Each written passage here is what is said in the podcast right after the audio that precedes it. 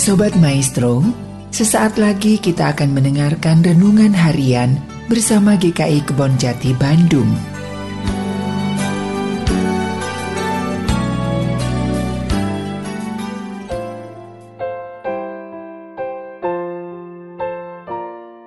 Shalom Bapak Ibu dan Saudara-saudari yang terkasih dalam Tuhan Yesus Kristus. Tema hari ini adalah Don't be afraid. Janganlah takut. Terambil dari Yesaya 41 ayat yang ke-10 demikian. Janganlah takut sebab aku menyertai engkau. Janganlah bimbang sebab aku ini Allahmu. Aku akan meneguhkan bahkan akan menolong engkau. Aku akan memegang engkau dengan tangan kananku yang membawa kemenangan. Pada dasarnya semua emosi yang Tuhan anugerahkan dan yang bisa kita rasakan, termasuk rasa takut, sesungguhnya adalah baik. Tetapi jika kita memiliki rasa takut secara berlebihan, itu akan membahayakan diri kita. Tuhan memberikan rasa takut kepada kita itu dengan tujuan untuk memberikan perlindungan pada diri kita. Yang terpenting adalah bahwa Tuhan tidak pernah merancangkan kita untuk selalu dalam posisi ketakutan. Janganlah takut. Takut di situ berasal dari kata Ibrani yang disebut yare. Artinya adalah jangan memposisikan diri dikuasai oleh takut sampai kita gemetar oleh ketakutan. Kalimat berikutnya adalah jangan bimbang. Bimbang di sini berasal dari bahasa Ibrani yang menggunakan kata sa'a, yang artinya jangan gampang kecewa kepada Tuhan. Selain itu, saat juga berarti menjadi redup dalam keyakinan. Saat Tuhan berkata jangan takut, jangan bimbang, itu memiliki arti bahwa dia bukan hanya asal bicara atau ngomong saja, tanpa memberikan persiapan kepada kita, tanpa memberikan kemampuan kepada kita, untuk kita bisa menjalani kehidupan ini. Dia akan selalu menolong kita di dalam perjalanan kehidupan ini, agar kita bisa bebas dari ketakutan dan dari rasa bimbang. Ada sebuah anekdot tentang malaikat maut bernama kolera. Sang malaikat kolera ini tugasnya mencabut nyawa dengan mendatangkan wabah kolera di sebuah kota. Maka malaikat kolera ini dengan bangga menyatakan bahwa saya telah menyentuh 20 ribu orang dan yang meninggal 80 ribu orang.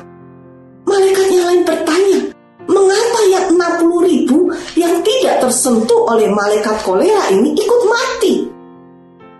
Jawab malaikat kolera, oh mereka mati karena mereka ketakutan begitu mereka mendengar kota mereka terkena wabah kolera. Cerita anekdot tersebut dalam konteks sekarang adalah pandemi COVID Bukan berarti kita melalaikan protokol kesehatan ya. Kita tetap pakai masker, kita tetap jaga jarak, kita tetap menggunakan segala yang kita bisa pakai untuk menjaga diri kita aman dari virus COVID. Tetapi bukan pula kemudian kita mengungkung diri kita, kita tidak bisa menikmati hidup ini. Tuhan tidak menginginkan demikian. Tuhan ingin kita tetap bisa menikmati hidup ini.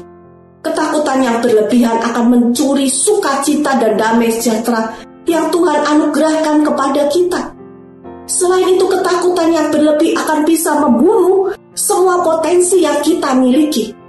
Banyak hal besar yang bisa kita raih. Ingat, ketakutan itu melemahkan kekuatan dan juga melemahkan keinginan kita ketika kita mau menggali potensi yang Tuhan sudah berikan kepada kita. Contoh, Orang yang punya satu talenta, dia berkata apa? Karena itu aku takut dan pergi menyembunyikan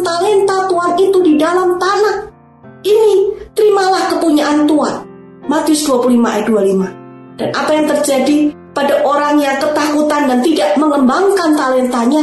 Matius 25 ayat 30 mengatakan, dan campakkanlah hamba yang tidak berguna itu ke dalam kegelapan yang paling gelap di sanalah akan terdapat ratap dan kertak gigi.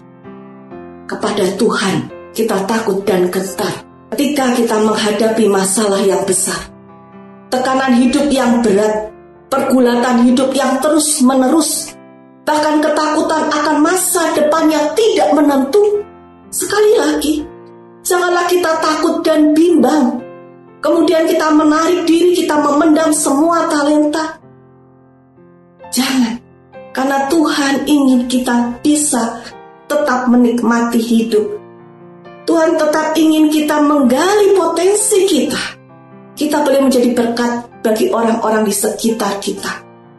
Oleh karena itu, Mari kita tidak menarik diri, tetapi kita tetap prokes. Kita cari Tuhan dengan segenap hati kita, dengan segenap kekuatan akal budi kita, kita bersandar padanya, dan ia akan memberikan roh keberanian dan kekuatan. Janganlah takut, Tuhan besertamu. Amin.